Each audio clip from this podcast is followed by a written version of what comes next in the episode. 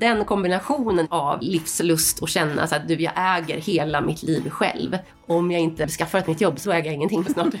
Eh, Den kombinationen av att det ska vara liksom 90% lustfyllt och 10% lite vild panik. Liksom.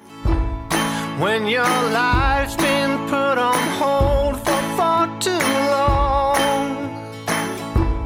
Idag är Bortom ekorrhjulet inte ute i spinaten utan istället är vi mitt inne i betongen. Jag, Katta, har rört mig hela vägen till Stockholms innerstad. Den här veckan har jag bjudit in en av mina allra bästa vänner för att prata om drömmar och mod. Och det här är någonting som vi brukar syssla med på regelbunden basis. Och vi är väl också de i vårt eh, gamla kompisgäng som oftast ställer till med stök i den här ordnade tillvaron och gör lite knasiga grejer. Men jag tänker att jag låter henne presentera sig själv. Men först vill jag hälsa varmt välkommen till podden, Sara Lejon. Tack snälla du. Det är egentligen jag som har kommit till dig idag då. Mm, det är det. Kul att du är tillbaks på ett litet gästspel. Jag tänker att jag nu har på mig... Hur lång tid har vi på oss? En timme? Två timmar? Ja, en timme. Se om jag lyckas locka tillbaka dig till storstan under den tiden då. Ska sälja in både mig själv. Det, eh, Kanske inte ens du kan göra det, trots att du är en otroligt charmig och eh, Nej, jag tänker det. Jag har ändå haft typ, vad är det jag har haft på mig med dig? 35 år eller någonting. Och du Mm. bor ju fortfarande väldigt långt bort. Så jag tänker att det, det är väl kört. Men, ja men jättekul att få vara med. Mm. Vem är du då, Sara Lejon? Vem är Sara Förutom en eh, Lejon? gammal avdankad pirat. En avdankad pirat, established eh, drömmare och flamsare sen 1978. Nej, men vem är jag? Jag, är- jag är väl både... Mm, jag är väl lite av allt möjligt. Ehm, en väldigt spretig person tror jag. Lika välordnad på pappret som eh, totalt disillusionerad och eh, så här sprakande bakgrund tror jag. Så här, den tråkiga faktan. Jag är ju en glad person på 45, jordsnurr, som bor på Kungsholmen i Stockholm med mina två söner som eh, har gått hals över huvud rakt in i tonåren. Eh, Så det är ju en, det är en spännande Det är inga tid. renliga djur. Det Det är livets absolut största utmaning eh, by far hittills. Men också väldigt, väldigt roligt. Jag har lite, det är lite hundar och katter som kommer och går här, både egna och andras. Låter lite som att du har ett hunddagis, men det har, du, du, du är tillfällig hundvakt. Jag är tillfällig hundvakt åt en liten hund. Sen har jag ju en katt själv, en gigantisk norsk skogskatt som jag har hämtat hem från ett katthem när hon var 10 plus år. Jag börjar misstänka att hon kanske är typ 20 plus år egentligen. För att hon är så otroligt trött och gammal, eh, men gullig. Eh, och sen så har jag min egen eh, 35 kilos labrador på halvtid kan man säga, eller på deltid. Delägarskap där han stundtals bor på landet med en kompis och stundtals bor hos oss i stan. Men modernt hundägarskap. Ja men eh, verkligen. Eh, det var en lösning som jag lite grann så här, blev tvingad till blev jag ju definitivt inte. Men jag tvingade väl mig själv lite grann. På tal om lite grann tror jag det vi ska prata om med drömmar och mål och självinsikter och skapa sin egen vardag och sådär. Superkort så var det väl så att eh, den hunden köptes eh, i ett livsskede och sen så ändrades det livsskedet ganska kraftigt. Och nya förutsättningar gjorde liksom att, ja men man kan väl bara säga att vara ensamstående med de här två tonåringarna och jobba heltid och ha en 35 kilos labrador som måste gå ut eh, tre timmar om dagen. Det gav liksom inte utrymme för så himla mycket mer. Och eh, till slut var det faktiskt, även om man någonstans själv, tror jag, känner sig själv väldigt väl och, och vet vad som är bäst så finns det vissa steg i livet som är svårare än andra att ta. Där var det till slut min, eh, min nuvarande kille eh, som till slut sa åt mig att så här, det här är ju inte hållbart. Man kan liksom inte gå in i väggen för en hund. Och det hade han ju rätt i. Eh, men jag hittade ju det, då hittade jag istället det mm, liksom allra bästa upplägget där jag, som sagt, han bor ute i skogen och har en hundkompis och lever livets glada dagar. Och sen så kommer han hit och får vi låna honom precis när vi vill. Och alla tycker att det är liksom både de nya ägarna och vi och, tror jag, även Nelson som han heter, tycker att vi har liksom hittat den bästa möjliga uppsättningen för oss. Bra upplägg. Mm. Mm. Och vi har ju känt varandra i- evigheters evighet. Sen, Plus moms, ja väldigt länge. Inte för länge. Jag känner Jag känner, att jag, eh, jag har lite kvar att ge. något år till. Eh, men vad är det nu? Det är ju, eh, ja men det är väl 35 år i år. Sen vi lärde känna varandra allra första gången. Ja, det är det. Vi träffades när vi runnit mycket var... rosévin under broarna sedan dess. Åh fy. Ja, vi... Ah, ja, hjälp. Man vet inte ens var man ska börja. Men precis, vi, vi hamnade i samma basketlag när vi gick i fyran. I fjärde klass. Och då var vi ungefär tio. Och så får nu man göra matten då. Eh, Hur gamla, man, hur gamla vi är. Eh, Men, men 35 år i år, det är ju... Det är helt ohyggligt länge. Alltså nu när du säger det så tänker jag att det här måste vi fira. Vi fyller ju jämna puckar med vår vänskap. Ja, det gör vi. Alltså 35 och det är så himla... Kan man googla upp vad det är för typ någon så här stenbröllop eller sånt där? För det tänker jag att man behöver ju... Sånt borde man fira mer. Man firar Ja. liksom bröllop och årsdagar med sin sambo, sin kille och och sin man och... Ja men du kanske gjorde det. när du nu hade någon. Det var väl också ungefär 35 år sedan. Förlåt. Eh, nej men jag tänker att man inte firar tillräckligt det här med liksom vänskapsdagar och... Ja. Det är väl kanske för att det är svårt, man, det är sällan man har en exakt För det är dag. ju också den absolut mest bestående i, i mitt och i vårt, våra liv i alla fall. Eh, Alltså gud vad vi har gått igenom alla Allt. de här skeden och alla flörtar och pojkvänner och livsskeden och jobb och Ja, och liv och död och Ja. hjärtesorg och mm, skilsmässor och men allt. Mm. Det finns ju inte en millimeter av livet som man inte har delat. nej, inte många i alla fall. Nej, men, eh, nej, men det måste vi fira. Mm. Det, vi träffades på en, eh, på en, i en pytteliten gympasal för 35 år sedan. Eh, när vi spelade i samma basketlag. Och sen så eh, var det väl inte kanske kärlek vid allra första ögonkastet men vi lärde i alla fall känna varandra då. Och sen fick vi en ny chans lite sådär på högstadiet, typ tre år senare. När vi hamnade i samma gäng. Då hängde vi gäng Tuffa det gänget. tuffa gänget var vi verkligen. Det är vi fortfarande. Och sen började du i vår skola i åttan. Men sen var det väl framför allt sen som vi verkligen hit it off. Det var ju när vi började sen i samma klass på gymnasiet. Så när vi var ja, 17, 18 någonting då. Sen dess har vi verkligen varit Ja, Som då har vi hängt peace and carrots. Kan man säga. Piraterna. Mm. Ja, Så har vi bott grannar och du är gudmor till min ena unge och allt som kommer där till. Mm. ja, we've been around kan man säga. Det kan man säga. Det är kortfattat.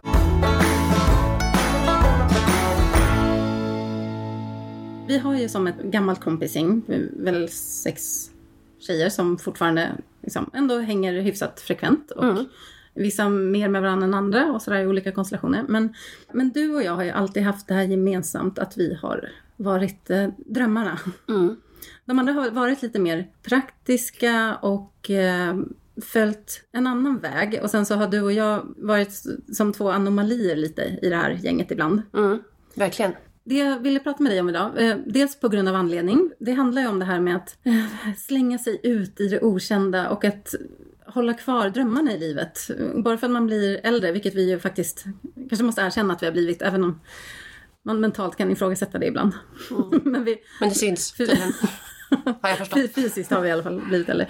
Men vi har ju liksom inte givit upp den delen Nej. av oss själva. Och även om du, du har ju liksom ett mer ordnat liv än mig på pappret med barn och så har ju du dina små avhopp till drömmarnas land. Eller så här, du, du har inte fastnat i någon liksom långvarigt ekorrhjul på det sättet. Du, du, är noga med, du är ju noga med att ta tag i saker när det känns fel, tycker jag. Ja, men det, det gör jag verkligen.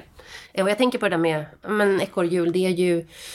Vi har ju pratat lite om det så här, vid sidan av din podd, för du har ju haft den nu ett, ett bra tag och man liksom har följt den och hör hur olika människor ja, men kastar sig ut eller väljer att så här, kliva av sitt ekorrhjul. Jag tänker så att det är viktigt det att, att poängtera att det handlar ju om att kliva av sitt eget ekorrhjul ibland. Att man har ju sina olika förutsättningar och man har ju sin uppfattning om vad man tycker är, är härligt och vad man tycker är tradigt. Och jag kan ju titta på någon annans liv och tycka att så här, oj vilket ekorrhjul de lever i och de tycker att det är toppen och härligt. Så så är det ju absolut. På tal om det här med att man har liksom olika det som vi kallar för ett ordnat liv. Ja, jag, precis, jag har ju två barn så det kommer ju med vissa, jag skulle inte kalla det begränsningar, det gör det ju till viss del såklart. Jag kan ju inte mm, gå helt bananas och hitta på vilket liksom, sattyg som helst, även om jag ibland är sugen på det.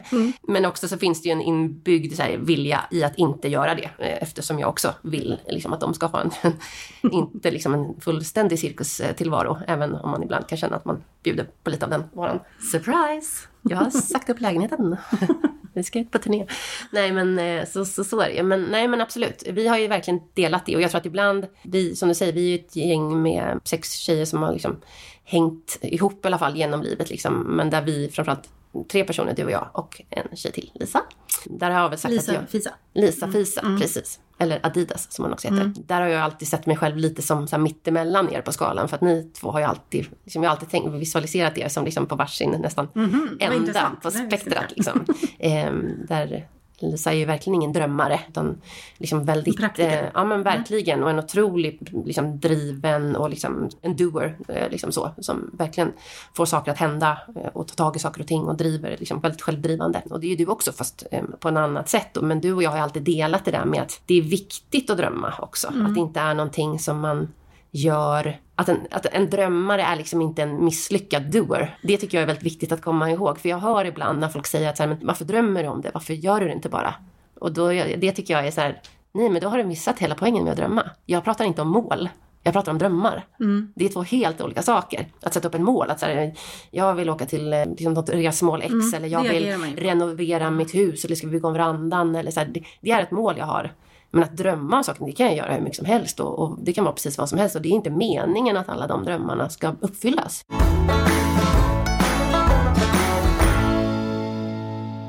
Och det är roligt att du säger det, för, för den andra Sara, hon säger så här, jag har inga drömmar, jag har bara mål eller planer. Så det är ju, det är ju roligt för att vi, just att du sa det.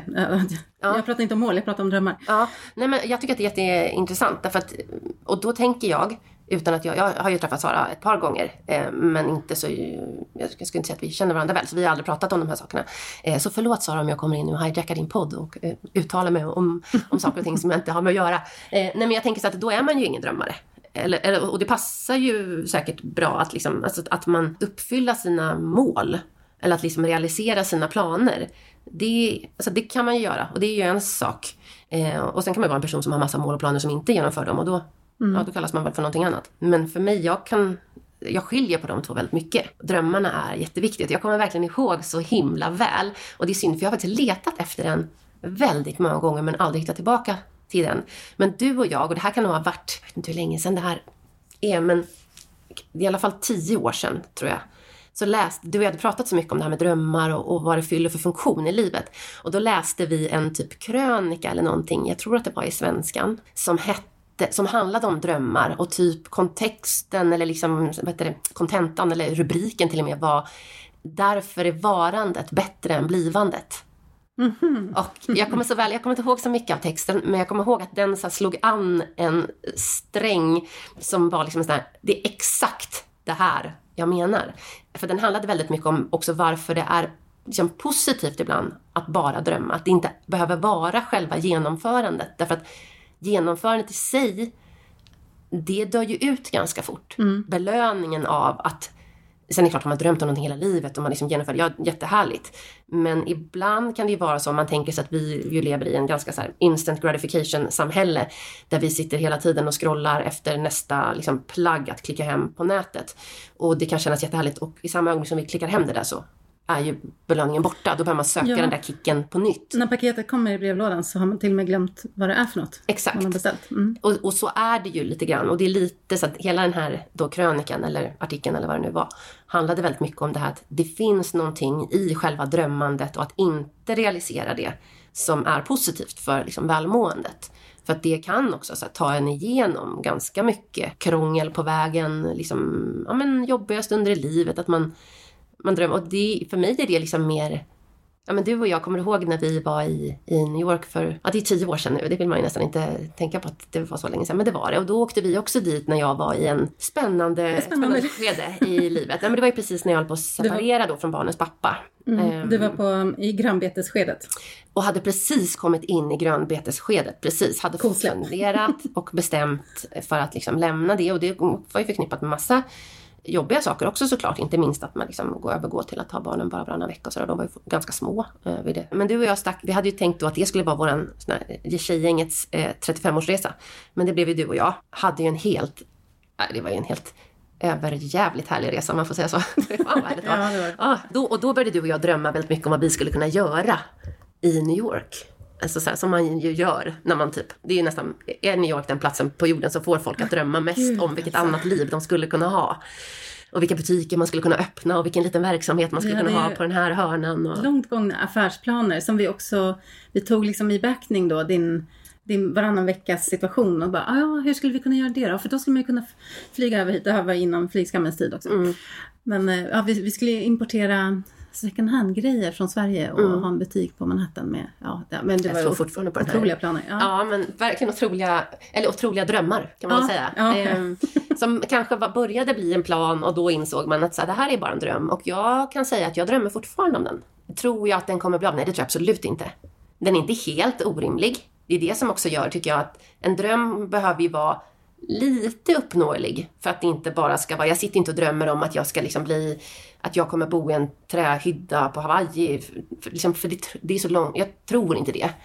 Men en dröm tycker jag är så att det skulle kunna gå. Det är liksom så pass, liksom, inte så totalt far off. Men, men det är inte en plan, det är inte någonting som jag kan sätta i verket imorgon.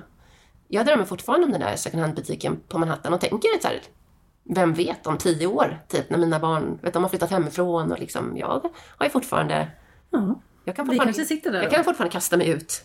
Alltså på tal om Ja. att sig ut, man tror ju inte, Då kanske jag har ett hus i Yukon liksom, och sen så åker jag till New York med jämna mellanrum. gud vad härligt det kommer, vad kul det kommer bli. Otroligt. Mm, Ja. det ser jag fram emot. Men för det tycker jag, det som det fyller, och det, när du och jag får våra Urge att kasta oss ut. Ja, men när vi, när vi hamnar i den här vågen av drömmar, Mm. när vi pratar om det, så det fyller så man blir så lycklig för stunden. Och det, det spelar ingen roll om den blir av eller inte, men Nej. det är så härligt att sitta och, och fantisera om det och börja måla upp scenarios och liksom ha den här bilden framför sig. Och det är det jag tycker, den funktionen fyller drömmar i mitt liv. Och som du sa, drömmare, eller att drömma, det kan ju ha fått en lite dålig klang i vår väldigt produktiva verklighet. Doers och entreprenörer och den typen av människor som alltid hyllas. Men jag skulle vilja säga att drömmandet, det är, det är fan en underskattad egenskap som jag tror ger näring till. För det jag sen gör, det har ju vuxit upp i, i drömenergin som jag skapar mig. Annars hade, jag nog inte, annars hade jag bara suttit på samma fläck förmodligen och inte känt något större behov av att röra på mig. Nej, jag håller med. Jag tycker verkligen att drömmar för mig, och jag läste också någon rapport eller artikel eller vad det nu var här i veckan, att det är, för mig i alla fall, är det ju en boost för liksom kreativiteten. Därför att ofta så är det ju så att, som du säger, att när vi hamnar i de här, nu kommer det liksom en våg av det här så här, Åh, du vet, det är som så här vårkänslor och liksom det, nykärlek och nu. Ja, att det är så här, man bara, gud, du vet, det är så här, åh, gud, man kan liksom inte bärga sig, man vill bara out there. Och nu, så här, nu fan kommer jag livet. Tänk om vi kunde få sitta på heltid med våra drömmar och bara, Ja. och bara så här, göra, vi drar, vi drar iväg i en Ja, vi sticker. Vi gör, det har ju varit allt ifrån liksom, man, ja, men, man vill hoppa in i en van, man vill hoppa in i en båt, man vill hoppa in i någonting och dra någonstans i alla fall. Det är typ det man vet. Men det som gör är att här, jag tycker att med den där liksom, kreativiteten så börjar, väcker det i alla fall någonting hos mig. Sen att jag inte drar till New York och öppnar en liksom, vintagebutik, men jag börjar ju absolut att titta på så för, andra förändringar i mitt liv. Ehm, För att jag liksom... blir en katalysator. Ja, men jag verkligen. Och, och alltid, alltid till det positiva. Det väcker en kreativitet som jag tycker liksom är härlig. Och väldigt många gånger har det ju gjort, i alla fall för mig, att jag då har valt att liksom lämna någonting eh, som jag tyckt Alltså den här pusselbiten passar en inte. kar. Eh, ja men eh, lika ofta jobb ju som, eh, som kar. Förr om åren var det ju också lägenhet. Där har jag lugnat ner mig. växer ingen på oss. Nej, verkligen inte. Eh, våran ytterligare en kompis i det här gamla tjejgänget då sa det till mig här för ett tag sedan. Sånt gulligt uttryckte jag så här. Ja, du sitter inte fast. ja, det, men mycket kan man säga om dig, men du sitter inte fast. Och jag, jag tänkte så här, nej, det gör, jag, det gör jag verkligen inte. Och det kan man ju absolut. Det finns ju många som kan tänka, och det har de ju gjort. Eh, att man är liksom hoppig eller spretig eller att man inte blir nöjd med saker och ting. Men jag kanske väljer att se det som att säga, jag nöjer mig inte med saker och ting som jag inte tycker är så bra eller härligt. Men i sak har hon ju rätt, eh, att man inte sitter fast. Men jag tycker att man kan liksom verkligen använda den energin man får av sina drömmar till att faktiskt börja, börja förflytta sig någonstans, även om det absolut inte är till den där drömmen i sig.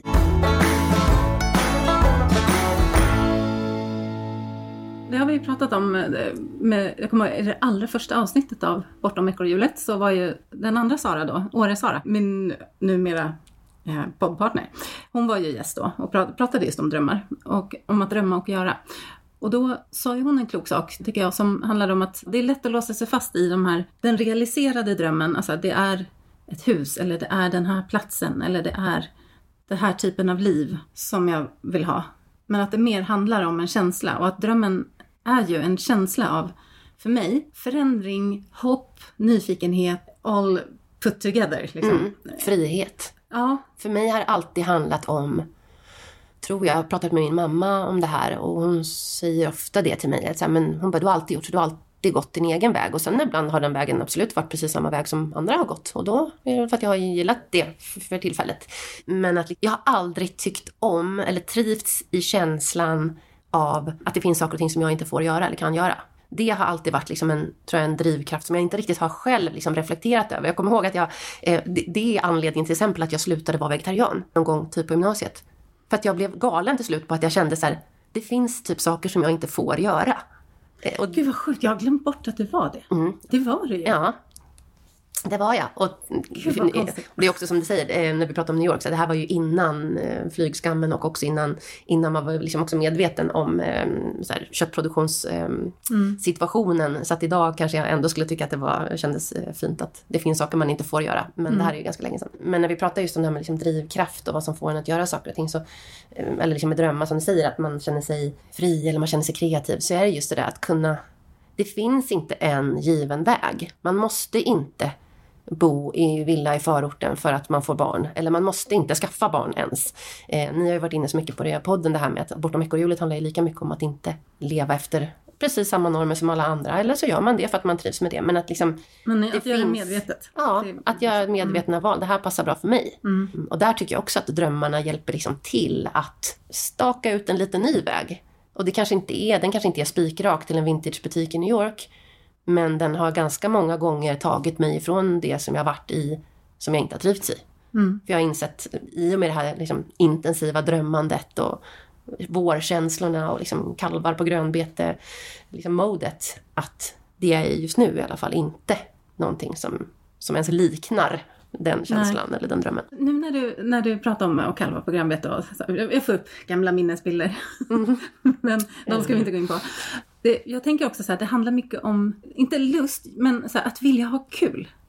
Det är ju någonting 100%. som... Ja, för det är någonting jag verkligen förknippar med dig. Och som vi alltid söker. Så nej men det- alltså, det måste vara roligt, det får inte vara tråkigt. Nej. Det måste vara roligt. Alltså vad är det för mening om det inte är roligt? Vi har ju ett gammal, en gammal saying som du utbrast någon gång.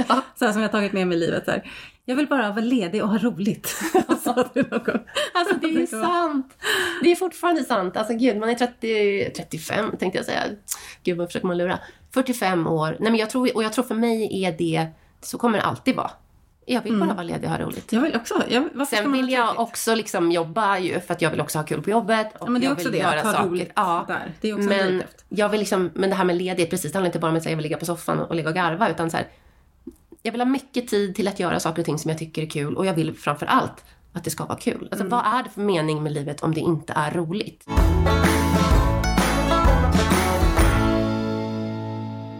Det för mig är en jätteviktig del och därför är det ju lite anledningen tror jag till varför vi ju sitter här idag. är ju för att jag har ju precis gjort ett sånt där språng. Precis, jag tänkte komma till det. Mm. För jag minns eh, en dag för ungefär två år sedan när du, jag kommer inte ihåg om du ringde eller om du messade, du kanske messade, och bara “Jag har sagt upp mig”. Ja. Och jag bara “Va?” Vadå? Mitt i, för då var du också mitt i en lite stökig skede i livet. Ja. Och jag tror att vi hade pratat om det här och jag var ju sådär, "Ja, men ta en förändring i taget, det kanske är bra och liksom. Och då, där, gud, där var jag förnuftig. Eller så tråkig. Eller oförnuftig. ja, precis. Ja, men då kom det där. Jaha, har du sagt upp dig? Ja, Har du nytt jobb? har du nytt jobb? Nej. Och sen för en vecka sedan ungefär Mm. kom det till sånt där sms. Ja. Alltså, helt från out of the blue nästan, vi hade Ja. pratat lite om det. Men det bara, idag ska jag säga upp mig. och bara, va? Ja. Jaha. Och det där tycker jag är roligt med dig. Och då, och då tänkte jag så här, det här, vi måste podda om det här. Men ta oss igenom det här Sara. Mm. Vad, vad hände? Vad var det som hände? Ja, men där för två år sedan, det var ju första gången som jag gjorde det på det sättet. Jag ska väl säga så att jag tror jag alltid har varit eh, ganska allergisk emot att dröja mig kvar allt för länge i saker och ting som skaver eller som inte känns bra. Jag har nog aldrig haft en så, vad ska man säga, en, liksom, en sån plikttrogenhet när det gäller jobbet. Jag har trivts jättebra på de allra flesta av mina arbeten och det har varit helt vanliga, ni vet, så 9 till 5 jobb liksom. Eh, men jag har aldrig sett mig själv som liksom så här ett med mitt jobb och känt att så här, det här är någonting jag måste göra och jag är skyldig dem någonting. Utan jag tänker att lik, de är skyldiga mig lika mycket. Liksom. Det, det, jobbet är jätteviktigt och det är viktigt med en inkomst såklart, inte minst när man har barn och en lägenhet och sådär. Men det är också jätteviktigt för mig att det liksom är någonting som ja, men som ger någonting och där man får utlopp för sin kreativitet. Och liksom sådär. Så- Men för två år sedan då, då befann jag mig mitt i en, ett uppbrott ur en relation som hade pågått ett tag och som verkligen inte slutade på något härligt sätt. Där jag till slut valde att liksom, lämna då ehm, för att det hade varit eh, liksom, stökigt ganska länge. Och i den vevan så började jag också gå till en coach. Eller jag vann ju faktiskt en coachrunda med typ sju sessioner eller någonting. Det är också, man har ju under årets gång kallat mig för Alexander Lukas för att jag har vunnit väldigt mycket grejer. Men det är för ett annat eh, poddavsnitt. Eh, men då gick jag sju gånger, eller vad det var, hos en coach. Maria hette hon, som var jättehärlig. Och på sista liksom, sessionen, och det handlade väldigt mycket om att hitta tillbaka till mig själv efter, ja men både efter en liksom, strulig relation men också liksom att, så här, att jag hade tappat lite kring kreativiteten på jobbet och så. Och på sista sessionen så kände jag bara så här, det kom så himla klart till mig då att så här, nej, nu måste jag göra någonting annat. Och jag tror att de flesta runt omkring mig nog tyckte det där, ta en sak i taget, herregud, man kan inte både liksom, man, man skiljer sig inte och säger upp sig från jobbet också. Då hade jag inte ett nytt jobb alls eh, och också bli själv liksom. Men för mig var det nästan tvärtom. Att så här, nu, det, är nu jag, det är nu det händer. Det är nu dörren står öppen. Nu är jag ju i ett otroligt förändringsmode. Du var på väg in på Ja, grönbetesmarken alltså det där. ligger ju helt Dörren står ju liksom vidöppen. Eh, så att för mig var det precis tvärtom. Att det är nu jag har möjlighet att göra liksom alla förändringar Och det som var jag kan. så härligt att se för att det, det hade ju varit eh, några mörka månader och kanske år. Och, då- och där det- din sprudlande personlighet hade varit ganska borta ett tag. Naggad i kanten. Liksom. Naggad i kanten, minst sagt. Ja. Och sen så såg man hur du bara... Ah, gud, det, var, det var helt otroligt att se. Det var som någon slags euforikänsla över... Alltså när, när du var, kom till det läget att så här, det är så mycket möjligheter nu. Ja, det, var- det var helt underbart. Också början på sommaren, det är helt fantastiskt. Det är helt fantastiskt. Och jag tror att när, man liksom, när jag tittar tillbaka på den perioden i livet så tror jag liksom att det ringar in ganska mycket av, av det som jag tycker är så fantastiskt med liksom det här att, att vad drömmar och liksom, ja, målbilder kanske det också är det på något sätt, men vad det kan göra. Därför att det som det, gjorde, det, som det gav mig, bara det här liksom att, avsluta en relation, och att säga upp mig från jobbet när jag tyckte att båda de delarna kanske hade skavt fast på olika sätt då. Var den här känslan som jag vill liksom hela tiden komma tillbaka till. Det vill säga, det är inte omöjligt. Det finns ingenting som jag inte kan göra. Allting som jag vill kan jag göra. Eh, som Ah. Magnus Uggla så väl eh, uttryckte det. Nej, och när man, har den, när man får den kraften så tror jag också 100% på att den kraften kan åstadkomma så himla mycket. Därför att det är ju lätt att tro att så här, ja, men man har tur, att man säger upp sig, man kanske får ett nytt jobb. All, man tänker så här, det är inte säkert att man får ett nytt jobb. Men jag tror ju verkligen på det man på något sätt så här, eh, mentaliserar när man hamnar där och vart, det kan ta en. Det som folk brukar kalla för universum. Exakt. Man skickar Skickar ut signaler till liksom, planeten att så här, här kommer jag och ingenting är omöjligt. Och jag tror också att man själv, i, när man är i det läget, skapar sig själv så mycket Det är möjligheter. en enorm kraft och det är ett momentum som är otroligt att spinna på om man hamnar där. Ja, Och då, varför ska man då sitta och vänta av rent förnuft? Det är bara agera och ta Ja. vara på den kraften. För att man kan verkligen förflytta berg när man är i det mindsetet. Ja, man För jag tror kan så här, det det. handlar inte om universum utan det handlar om att frigöra krafter hos sig själv som man i normala fall lägger lite lock på.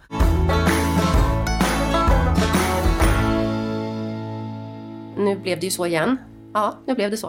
Att jag ju då gick och sa upp mig igen. För på den, då, vid det tillfället för två år sedan, då hade jag ju liksom eh, tur, skulle man kunna säga. Jag tänker ju att det inte bara är tur. Eh, sen är det klart att man, så här, stjärnorna ska ju stå rätt och det ska dyka upp en tjänst som man verkligen gillar och som man vill söka och det ska råka sig att den inte har blivit tillsatt och så vidare. Men jag tror också att liksom, bara att gå in i en arbetsintervju när man mår som jag mådde då, gud då är man ju oslagbar tänker jag. Det är ju svårt att stå emot den när någon är helt såhär, wow, allting är härligt, livet är underbart, inget är omöjligt. Det är klart man vill anställa en sån person. Det verkar ju som att den kan liksom förflytta hela verksamheten någonstans. Eh, så då fick jag ju faktiskt liksom vad som ja, på pappret var liksom typ mitt drömjobb innan jag ens hade faktiskt hunnit sluta på det gamla jobbet. Så det var ju jättehärligt också för då fick jag liksom typ ett långt eh, sommarlov eh, där jag verkligen fick liksom leva ut det här. Kalven på grönbete fick, fick vad den tålde så att säga. Och sen så hade jag en ny tjänst sen att gå till när hösten väl kom. Nu har jag varit där i två år och har liksom känt att eh, det igen, fast på helt andra sätt, inte längre liksom, ja, passar mig. Och den så här, kreativa och fria känslan och det jag behöver för att liksom må bra på jobbet har inte riktigt funnits där och jag har tappat energin och sådär. Och nu såklart, det är sämre tider än vad det var för två år sedan och det är liksom högre räntor och det är mm, högre matpriser. Men jag känner ändå det där att så här, det är inte skäl nog att fortsätta befinna mig i någonting som jag inte tycker känns toppen. Och så. Nej, och det här tycker jag är intressant. Jag känner ju dig väl. Du är ju en, du är väldigt ekonomisk. Du är inte alls på något sätt som man kan tänka sig då, att ah, jag säger upp mig, det löser sig och så, utan du är ju i vanliga fall liksom väldigt tänker mycket på det. Så här att, ja, men jag behöver, men du är inte ensamstående, men du bor själv med två barn. Så att du behöver ju tänka framåt så att säga. Bara för att måla upp bilden här, liksom, att den här drivkraften i dig är ändå så pass stark att det övervinner det där. Och, så det, det, jag tänkte, kan du berätta lite om det? Hur tänkte du nu i det här läget då, när ja, men det är som det är i omvärlden? Och med räntor och allt möjligt. Och... Det är som det är eh, och det är såklart, ja, ibland så förstår jag det inte själv. Ska jag, säga. Jag har tänkt mycket på det här för att jag, eller jag tänker ganska mycket på vad det är som gör att jag ändå gör det. För att såklart, som du säger, bor man själv med två barn och det är tonåringar och jag har ett sommarhus och en hyresrätt och liksom, det är klart att jag har mycket kostnader. Bara, vänta, och, jag ska bara ringa ett samtal. Ja, eh, vänta, eh, förlåt. förlåt, ta tillbaka mig, allt är förlåtet. Eh, nej men, eh, men det är nog precis som du säger, att ja det är klart att jag också har jag har ju verkligen inte, alltså, verkligen inte, jag lever inte i något överflöd till vardags ska jag väl också så här, poängtera. Så det är inte så att jag har årslöner på banken eller så, så att jag har liksom, eller något stort kapital att liksom luta mig tillbaka på och kan ta ledigt nu ett halvår. Så är det ju definitivt inte, utan jag behöver ju liksom ett nytt jobb ganska ganska snart för att det inte ska skita sig fullständigt. Men det är som, precis som du säger att jag, det, är, det är ändå inte tillräckligt. Det väger inte tillräckligt tungt i den vågskålen som är på andra sidan. Det vill säga att, vad är det för mening om det inte är roligt? Jag tänker på att det handlar väldigt mycket om mod. Och då vill jag verkligen också poängtera att så här, många säger till mig, så här, lämna relationer, säga upp sig från jobb utan att man har någonting nytt att gå till. Att, så här, du är så modig och det är jag. Det tror jag verkligen att jag är. Jag är absolut ingen orädd person. Det kan jag understryka. Jag har aldrig varit någon liksom, daredevil och jag är heller inte en så här, superslarvig person som bara så äh, det löser sig, pengar in, pengar ut, vem bryr sig så? För det, jag vill jättegärna att mina barn ska liksom ha mat på bordet och kunna fortsätta på fotbollen typ och så. Jaha. Eh, ah, det är en sån. Ah, ingen riktig drömmare. Eh, men jag bara tänker till universum att så här, det kommer komma pengar. Mm. Ja, då gör det det. Eh, nej, Det kommer men, själva. ja, precis. Nej, men eh, jag hade ju kanske några år där som jag liksom glömde bort hur man gjorde när man var modig. Så då när jag fick den här vågen för två år sedan. Då, Unleash. ja, när det blir så här unleashed hell. Eh, nej men då tatuerade jag ju in det på min arm Jag tänkte istället. komma till den, den är ju fantastisk. Mm. Det är ju egentligen också jag och min, min lillebrorsa som har haft det ordspråket under hela vår uppväxt och då kanske har varit lite mer så här hetsa varandra till någon slags så här jackass eh, liknande grejer så det har mer handlat om dumdristighet Dricka än, shots. dumdristighet än, än, mod. Men eh, jag har ju då en, en påminnelse på min arm där det står No guts, no glory. Eh, och det är en väldigt bra kompass för mig. Inte att inte vara rädd för saker, för jag kan såklart när jag säger upp mig vara skitskraj för så att tänk om jag inte får något nytt jobb. Vad fasiken gör jag då? Men det räcker liksom inte. Därför att för mig är det viktigt det här att liksom att vara modig är ju inte att inte vara rädd, utan det är ju att vara livrädd men göra det ändå. Ja, precis. Fint sammanfattat. Men vad, vad gick igenom ditt huvud då förra veckan? När, vad, vad, när, när klev över kanten så att säga? Jag har ju vid flera tillfällen under en ganska avsevärd tid, tycker jag själv, det ska jag också säga, så att jag, liksom, det har inte varit jag kom på det på torsdagen och, och sa upp mig på fredagen. Riktigt så spontant och galet går det ju liksom inte till. Men under ganska lång tid har liksom marinerats i det här att det här passar inte. Och man har ju också försökt på olika sätt att liksom, ja, men påverka sin vardag på jobbet och sådär. Men eh, ja, nej, men sen så satt jag en morgon eh, och funderade på så här, att verkligen landa i det. Så här, kärnfrågan är ju så här, kommer det att bli bättre? Finns det någonting i det här som, finns det någon utsikt för att det kommer att förändras. Nu har jag gjort A, B, C och D och det har fortfarande inte kommit någon vart. Liksom. Och jag vet också... Det är ju en ganska viktig analys att göra. Ja, men jag tror det. Mm. Eh, när man ibland, så här, du frågade mig tidigare, eh, vad är det som gör att man till slut bestämmer sig? Hur kan man, hur ska man tänka? När vet man att man är klar? Och jag har ju också så här, för att fortsätta namedroppa personer i min närhet så har jag också ett annat ordspråk. Om min och min brorsas då var lite mer shotsrelaterade grejer så, ja, men, så brukar jag och min mamma prata mycket om så här, livet och hon har ju verkligen så här, implementerat en, en sägning hos mig och det är ju den här sinnesrobönen. Mm. Ge mig sinnesro att acceptera det jag inte kan förändra, mod att förändra det jag kan och förståndet och inse skillnaden. Den sägningen, det är något av det fan i mig mest briljanta som har formulerats. Ja, det är så enkelt det. men det är så jävla kraftfullt. Så jag tror att liksom, skulle jag skicka med någon person någonting som sitter och funderar på ska jag gå eller ska jag inte gå, ska jag säga upp mig, ska jag stanna, vad ska jag göra? Så är det så här, har man kommit dit att man har försökt att påverka saker men man vet att så här, nu ligger det bortom min kontroll. Jag accepterar att det här kan jag inte förändra mm. mer. Jag kan inte påverka hur min chef beter sig eller hur min man eller min kvinna eller så beter sig. Det då måste jag skaffa mig, ja, då måste jag skaffa mig modet att förändra det jag kan. Och det enda jag kan göra i det här läget, det är att välja att gå därifrån och göra någonting annat. Så, och då tänker man, då har jag också fått följdfrågan, ja men du kan ju söka ett nytt jobb och sen, sen säga upp sig. Och det är ju klart att det är på pappret mm, mer... Ja, så kan, ja, så kan man göra. Det är, det är, så, kan man, så kan man göra. Eh, men för mig är väl också en väldigt viktig kompass i att precis på samma sätt som inte jag vill stanna kvar i en dålig relation och vänta på att det kommer någon ny snubbe som liksom flörtar upp en i brygga som gör att man sen, så här, ja men nu drar jag. På samma sätt känner jag med jobb, att så här, nej men jag vill välja själv. Jag vill påverka min vardag. Jag vill, jag vill välja. Och jag väljer bort det här för mig, för min egen skull. Den delen tycker jag är superviktig. Ja, oh, gud. Verkligen. Det är precis så jag känner. Och där, jag är ju mindre rationell än vad du är.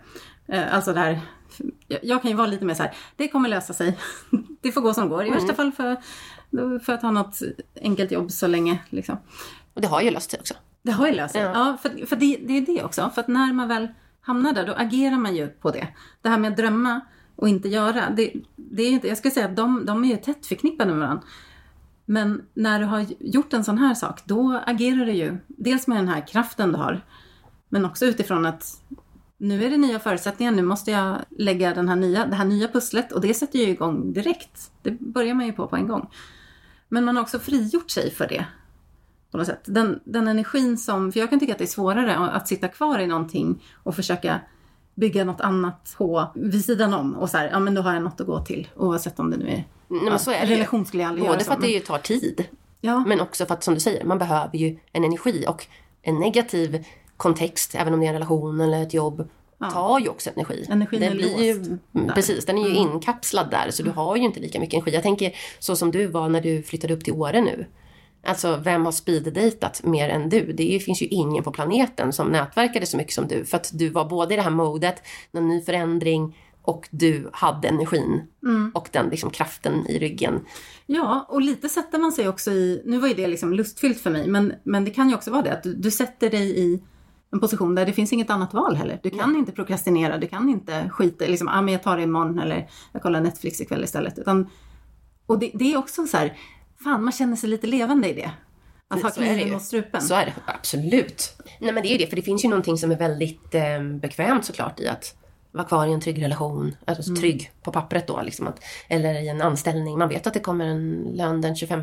Men det är ju precis som du säger att känna liksom livet flåsa i nacken lite grann när man vet att så här, det måste lösa sig. Mm. Inte bara så här, det löser sig utan jävlar om det inte löser sig nu. Så, så här, det, den, den kombinationen ibland av livslust och känna så att du, jag äger hela mitt liv själv.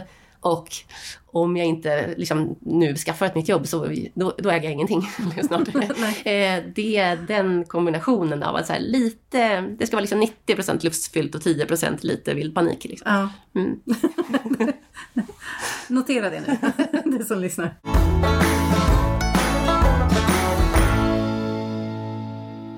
Men eh, jaha, vad händer nu då Sara? Ja, men nu ska jag ju ta fasta på våra gamla slagord. Eh, nu ska jag bara vara ledig och ha roligt. Mm. Nej, men eh, med den här eh, energin som jag ju har eh, sen- frigjort. Sen är det ju också lite klyschigt på något sätt att det här sker varje gång typ i maj. Så jag tänker så här, nya arbetsgivare, beware, lås in mig mellan första och sista maj typ. För risken är att jag bara säger upp mig bara farten. Eh, eller vara en bra arbetsgivare. Och, Ja, det kan ju också vara. Så, så, Mm. så kanske man tycker att det är eh, också härligt. Jag eh, vet inte riktigt. Jag har inte riktigt bestämt hur länge jag ska vara kvar ehm, på mitt gamla jobb. Men jag tror att det blir ungefär någon, någon vecka in på sommaren. Alltså strax efter midsommar kanske. Och sen så, ehm, ja, som man gör. Man är ju ute med både krok och hov. Så jag tänker att det löser sig. Jag tror, om jag tittar i min kristallkula så tror jag att det kommer bli så här. Jag kommer jobba i kanske fem veckor till ungefär. Bjussa dem på ett par veckor till eh, efter min uppsägningstid är slut. Och sen kommer jag ha ett långt och lyckligt sommarlov.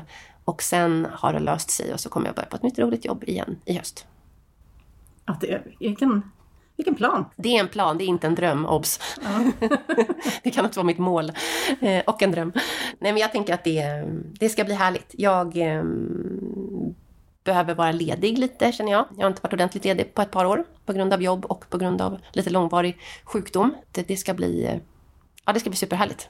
Om ni ser en kalv trippa runt som ute på grönbete, då vet ni vem det är. en väldigt gammal och lite trött kalv med två tonåringar efter sig. Det är jag. Ja, ja det, jag tror att det blir en härlig sommar. Eh, Sara Lejon. Mm. Vad tänker du då Katta? Vart är du nu i din drömprocess? Ja, men jag och Sara pratade lite om det, nu kommer jag inte ihåg, det var något avsnitt sen. Att eh, jag var ju där du är nu för ett år sedan. Mm. Så att i år har inte jag samma, fast jag blir ju väldigt su- sugen här nu. Mm, du hör ju vad roligt Ja. man har det när man bara kastar sig ut. Älskar att sluta på jobbet. Det finns ju både bättre och sämre beroenden man Ja, kan ha än att vilja säga upp sig från jobb. Det kan, det kan bli väldigt självskadligt. men, eh, nej, men jag trivs bra där jag är nu. Och är liksom inne i den fasen, i nyetableringsfasen. Så, för den är ju också rolig. Mm. Den är också mysig och härlig. Så där, eh, jag, jag sitter lugnt i båten över sommaren. Inte bara över sommaren utan Hörde ni det nu? Efter sommaren så kommer hon. förhoppningsvis efter också. Man vet ju aldrig vad som händer. Nej men den, den fasen är också, det ska man ju verkligen också komma ihåg att, för jag har också fått frågan någon gång så att, men den där eh, liksom quitters high som jag upplever, typ det här att säga upp sig och den ruschen man får, den är ju också ganska kortvarig såklart. Och, eller ja, den ju, hänger ju i och sen kommer liksom ledigheten efter det. Ja, men den måste ju ta slut någon gång. Men att börja på någonting nytt och när man känner just det här att man har kanske sagt upp sig eller ja, lämnat en relation eller vad det nu kan vara för att man vill gå in i någonting nytt som mer lirar med ens liksom, önskemål och kravprofil som man har för tillfället. Då får man ju ofta liksom en smekmånad i form av kanske ett halvår, år i alla fall, som är ju härlig. Ja. Bara av det, att få lära sig någonting nytt och känna liksom att man kan... Då blir ju det en förflyttning eh, som, som man liksom för påbörjar. det är ju också en... Dels det här att ha roligt, men också utveckling. Att, Mm. att utvecklas, det är det det handlar om mycket. Att inte stagnera och inte liksom gräva sig djupare och djupare ner på den fläck man står, utan faktiskt röra sig både sidled och eh, framåt och bakåt, höll jag på att säga. Men Verkligen, och jag tror att det är också så här viktigt att påminna sig om, eh, för det är ju precis därför man lämnar. Det är ju för att man känner oftast att man har stagnerat, att man inte utvecklas, att den relationen, vad det nu må vara för relation, har liksom stannat av, att den inte ger en så mycket. Överlag så är det ju så här, man lämnar ju inte för att man vill ha ingenting, det vill säga bara vara ledig eller vara utan en relation resten av livet, även om det ibland också har varit på tapeten. Eh, men för att man faktiskt vill gå in i en ny relation i form av jobb eller kärlek eller vad det nu kan vara, som utvecklar en, som driver en, där man kan utvecklas tillsammans med andra. Så att jag tänker heller inte att det liksom, det är inte det är ju inte så att man bara hoppar av och, och befinner sig liksom, jag ska bara vara ledig resten av livet. Det, det, Nej, har jag, det är ju ingen som har det. Eh, Det tror jag inte många av, av oss som är som vi i alla fall har i liksom siktet. Utan målet är ju hela tiden så att jag vill vidare och man vill framåt. Och Precis som du känner nu. Att, mm, och med det nya kommer ju också det svåra såklart. Det är ju liksom, då ska det skavas in igen och liksom sådär. Men jag gud, tycker ja. liksom att det finns en energi i det också. Att det är nytt och man lär sig och man, man utvecklas. Så där tänker jag liksom att det går väl två år och sen... det är nyttigt att få känna sig lite korkad med jämna mellanrum. När man är så smart som vi är. Ja, jag vet. Men, men sen- senaste månaderna har jag, jag har suttit i så många möten och känt mig så okunnig. Liksom, För att det är en helt ny bransch och, och jag förstår inte. Alltså, jag tänker så här, jag brukar greppa snabbt, jag brukar förstå helheten. Men det är så komplext och avancerat. Liksom.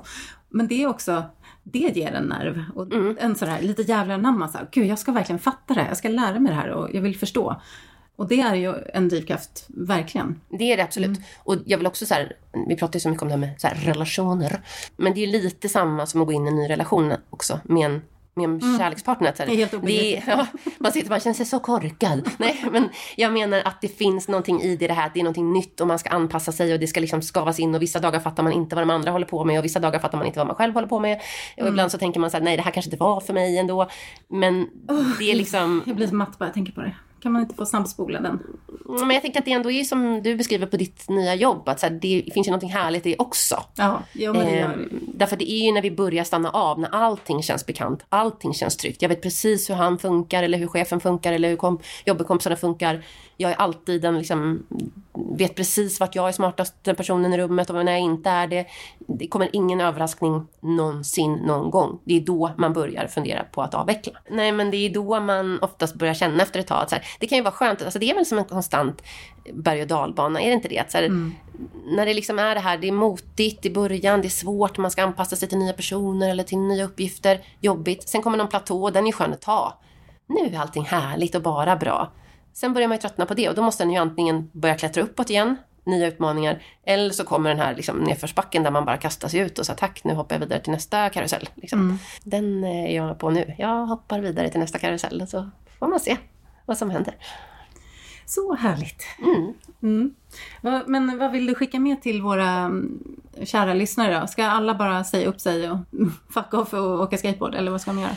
Jag eh, tycker ju det. Nej, det tycker jag inte att man nödvändigtvis behöver göra. Men jag tycker väl att man verkligen ska ta fasta på några saker. Att, alltså såklart, har man noll ekonomiska förutsättningar att göra saker och ting och man verkligen inte tror att man för sitt liv kommer att hitta ett endaste sätt att försörja sig om man lämnar sitt gamla jobb, ja då klart, då är det jättesvårt. Jag tror ju att man, de, många har ett alternativ om man börjar så här, öppna upp blicken lite grann. Mm, kaos på granne med Gud, eh, som man brukar säga. Så jag tror ju på att så här, rör man till det lite och tar ett kliv så öppnar sig oftast väldigt många möjligheter. Och gör de inte det så börjar man själv till slut liksom slita i de dörrarna för att man vet att man måste. Och när det gäller liksom, när är det dags att ta ett kliv? Ja men det är väl just det där så här, har du försökt att förändra din egen situation men du märker att det inte längre går, då måste man acceptera att det här ligger utanför min kontroll och då måste jag vara modig nog att förändra det jag själv kan. Och när ni gör det, sen är det bara härligheter som väntar. Ja men då så Sara. Då säger jag tack för att du ville vara med och dela den här eh, quitter-energin som du sprudlar med just nu. Ja, men tack själv och tack för att jag fick vara med. Det var ju på tiden tänkte jag. Gud, bästa kompisar. Ska jag undrat just när inbjudan skulle komma. Jag trodde man måste säga upp sig från jobbet för att få en inbjudan till podden. Ja, eh, jag har lite krav mina vänner. Ja, men då ses vi igen om eh, två år då. Ja. Eller kanske om ett år, vi vet inte vad jag är. Nej, precis. Ja, vi tar varandra. Ja, vad bra. Men, eh, och till dig som lyssnar, du får jättegärna dela med dig av dina tankar om eh, det här avsnittet i vår Facebookgrupp. Bortom ekorrhjulet när, var, hur heter den. Finns på Facebook såklart. Gå gärna med i den om du inte är medlem. Du får också gärna betygsätta och kommentera podden i din eh, favoritpoddspelare. Det vore jättekul och rekommendera den vidare till eh, andra som du tror kan ha nytta av det här. Det är vi så tacksamma för. Vi ska också tacka Sven Karlsson och Epidemic Sound för musiken. Och så vill jag bara säga, ha eh, ljuvliga två försommarveckor nu tills vi hörs igen nästa gång. Hej då! Hej då!